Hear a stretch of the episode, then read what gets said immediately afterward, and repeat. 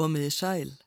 Symfoníu hljómsveit Íslands leik hér á undan forleik eftir Hjalmar Há Ragnarsson að leikritinu Rómeó og Júliu eftir William Shakespeare. Bernhardur Wilkinsson stjórnaði. Tónlistin var samin fyrir útvarsflutning á leikritinu árið 1986. Þetta alþekta leikrit Shakespeares frá árinu 1597 er hægt að setja á svið hvað eftir annað og engin verður leiður á því. Enda er þetta frægasta ástarsaga allra tíma og Rómeó og Júlia eru fyrir löngu orðinað tákni fyrir elskendur. Mörg tónskáld hafa notað sér leikritið og í þessum þætti verða flutt brot úr nokkrum slíkum verkum, leikustónlist, óperum og ballettum sem byggjast á sögunni um Rómeó og Júliu. Hjálmar Há Ragnarsson er ekki eina íslenska tónskáldið sem hefur samið tónlist við leikritið. Meðal þeirra sem fengist hafa við það verkefni er Knútur R. Magnússon sem sjálfur var leikari og í mörg ár vinsæl dagstárgerðarmadur hjá Ríkjusútvarpinu. Hér kemur hljóðritun frá 1972 þar sem Knútur sjálfur og Guðrún Ásmundsdóttir flytja formálsorð leikritsins við tónlist Knúts. Í formálanum segir frá hinnu bitra hatri sem ríkir í Verónsborg milli Kapulett og Montag fjölskyldnanna. Helgi Haldanarsson þýtti texta Shakespeares, Knútur er Magnússon og Kjartan Ragnarsson leik á lútur en ekki er vitað hver blokkflötuleikarin er. Vort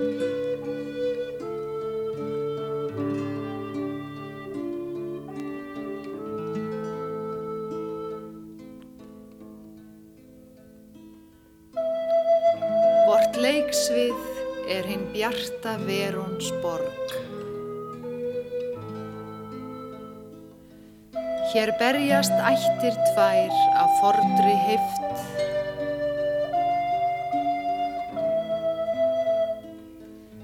Sem hverri kynnslóð sendir nýja sorg.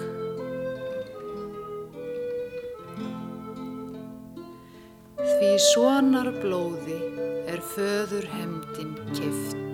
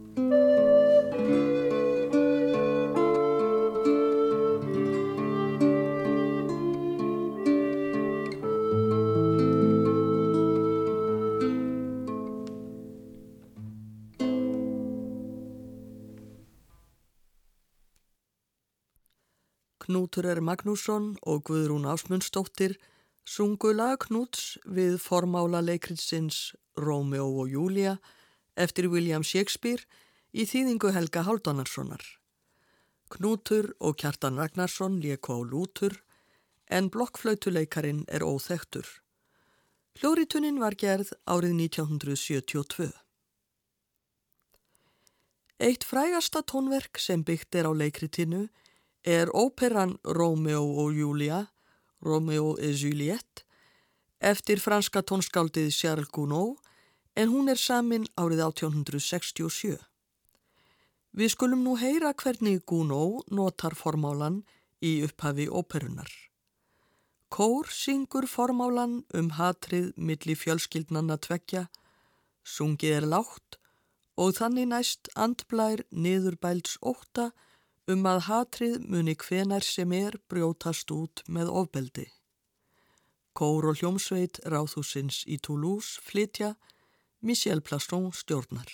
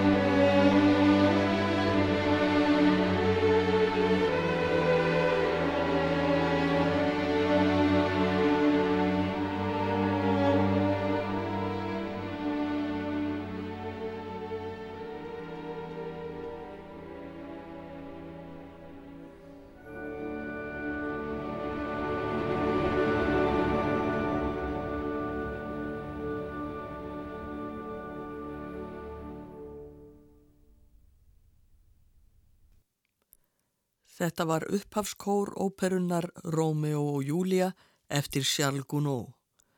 Kór ráðhúsins í Toulouse söng, kórstjóri var Pierre Jodis. Hljómsveit ráðhúsins í Toulouse leik, stjórnandi var Michel Plasson. Fjandskapurinn milli Capulet og Montag ættana er líkilatriði í leikritinu. Hann á sér djúpar rætur og er svo mikill að jafnvel þjónar fjölskyldnanna get ekki hist öðruvísi en að reyta ónótum hver í annan. Árið 1935 samdi rúsneska tónskaldið Sergei Prokofjev ballett upp úr leikritinu og þar kemur fyrir atriði sem nefnist Dans Rittarana en þegar Prokofjev feldi nokkur atriði saman í svítu kallaðan þetta atriði Kapuletta og Montagsmenn. Stolt ættan að tvekja og spennan á millið þeirra skilar sér vissulega vel í þessari tónlist.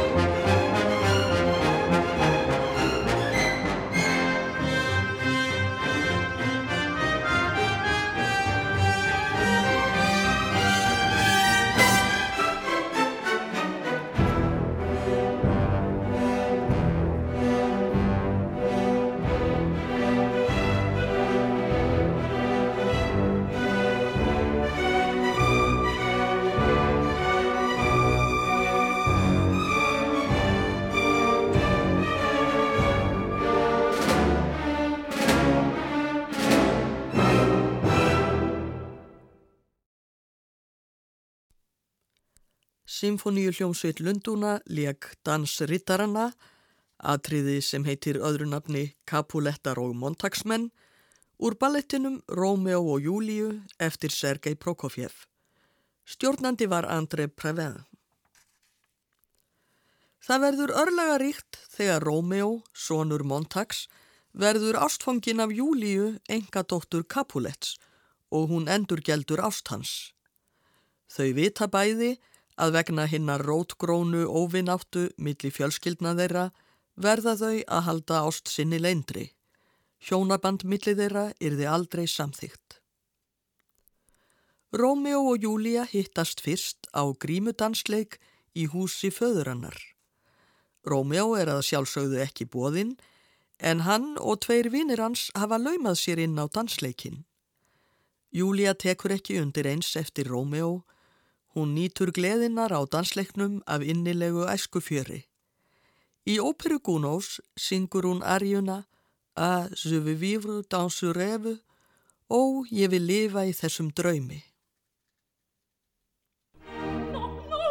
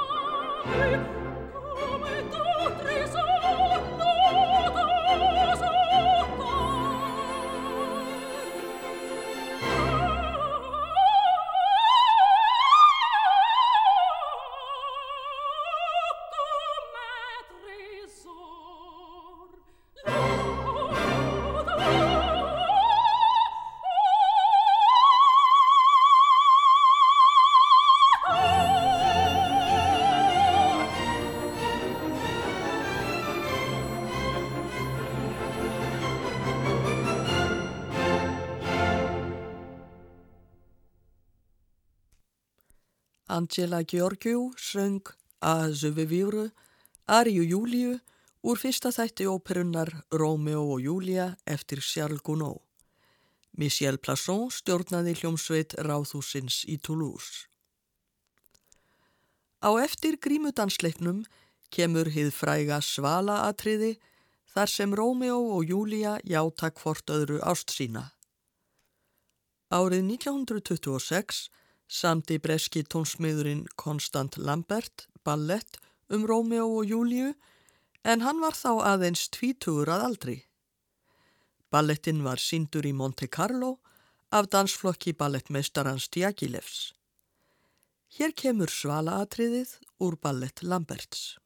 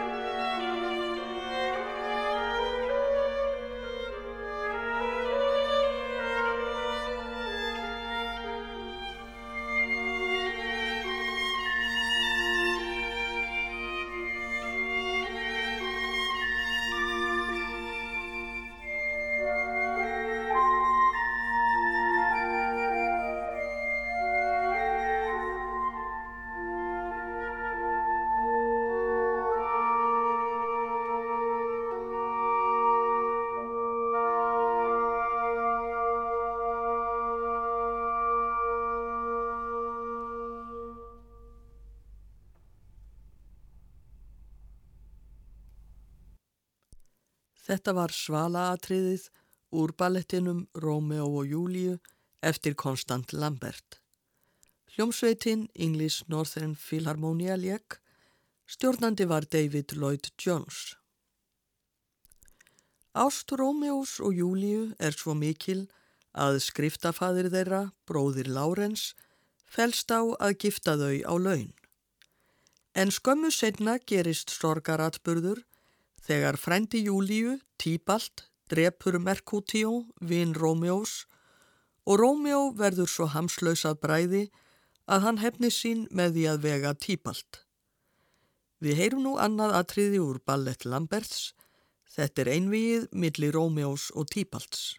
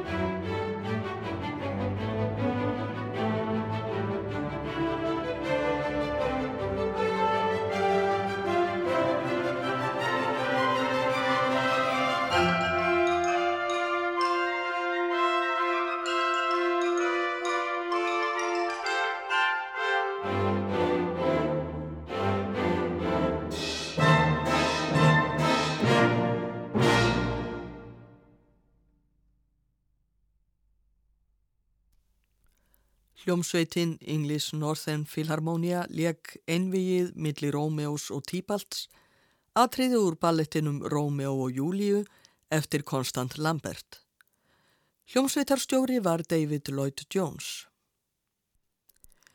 Eftir víg Tíbalds er Rómeó gerður útlægur úr Venrónsborg svo að þau Júlia sjá fram á það að verðað skilja.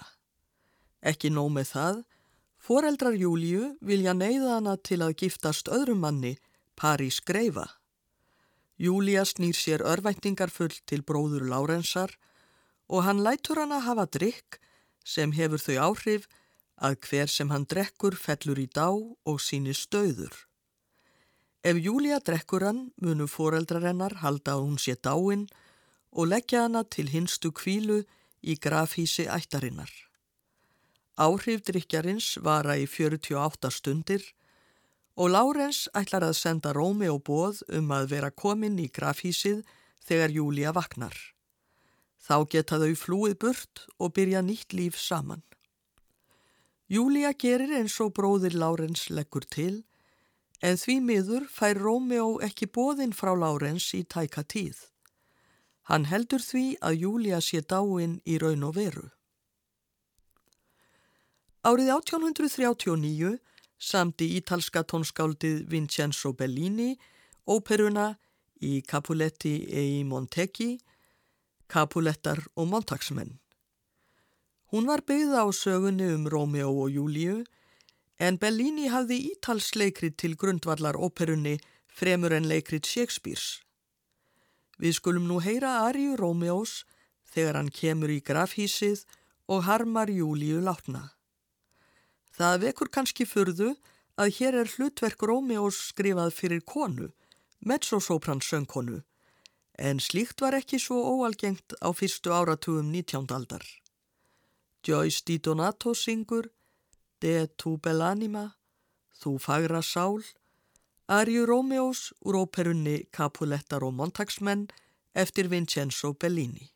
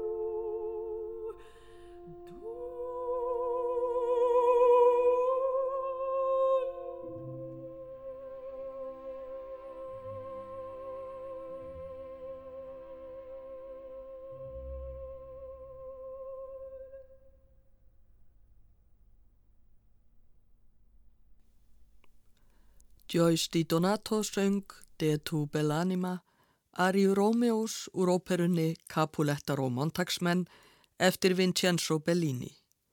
Hljómsveit þjóðaróperunar í Lyon leik, stjórnandi var Riccardo Minasi.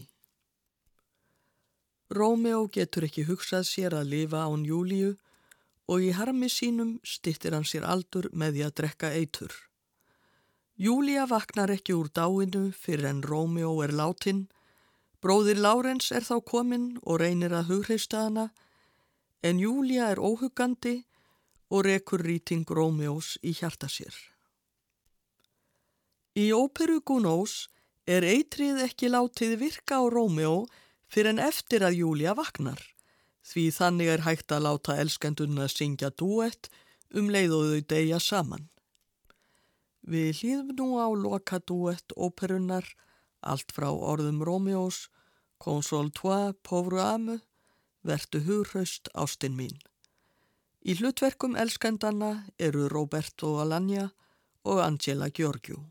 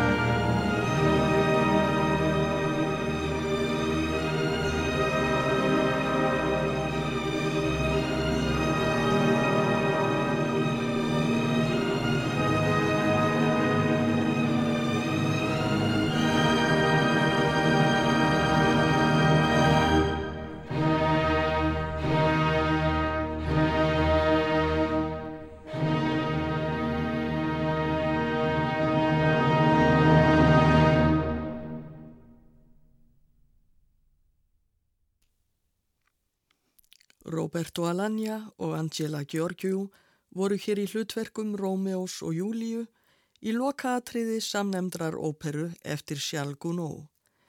Michel Plasson stjórnaði hljómsveit Ráðhúsins í Toulouse. Í mörgum tónverkum sem byggð eru á leikritinu er sagan látin enda hér með dauða elskandanna. Þannig er það bæði í óperu Gounod's og ballett Prokofjevs. Samt er það ekki endir leikritsins hjá Shakespeare. Á eftir kemur atriði þar sem fólk drýfur að, bæði Capuletta og Montagsmenn og bróðir Lárens útskýrir það sem gerst hefur.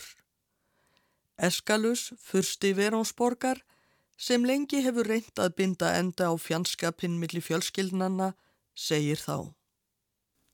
Þið miklu fjandmenn, Montag, Capulett, sjá svipu drottins dinja á ykkar hatri.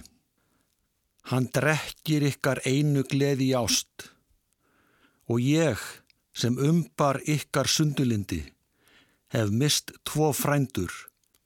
Hér er öllum hengt.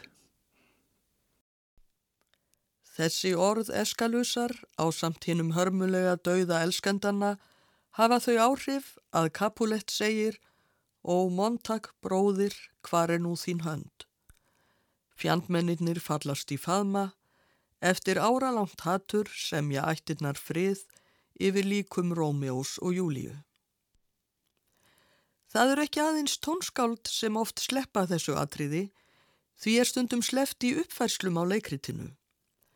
Það er mjög misráðið að mínum dómi, því í þessu atriði er einmitt komið að kjarnamálsins. Leikritið fjallar ekki bara um Rómeó og Júlíu. Það snýst ekki engöngu um ást, heldur ekki síður um hatur. Hatrið milli ættanna sem eigðilegur líf elskandanna. Fyrst þegar hinn sorglegu örlög þeirra eru ljós, skilja ættfeðurnir kvílikur glæpur þetta hatur var. Þess vegna hafa Rómeó og Júlía orðið að tákni fyrir elskendur í umhverfi haturs, hvar sem er og hvena sem er. Leikritinu líkur með orðum eskalusar sem eru þannig í þýðingu Helga Háldánarssonar. En sárum trega sveipuð lifir þó sagan um Júliu og Rómeó.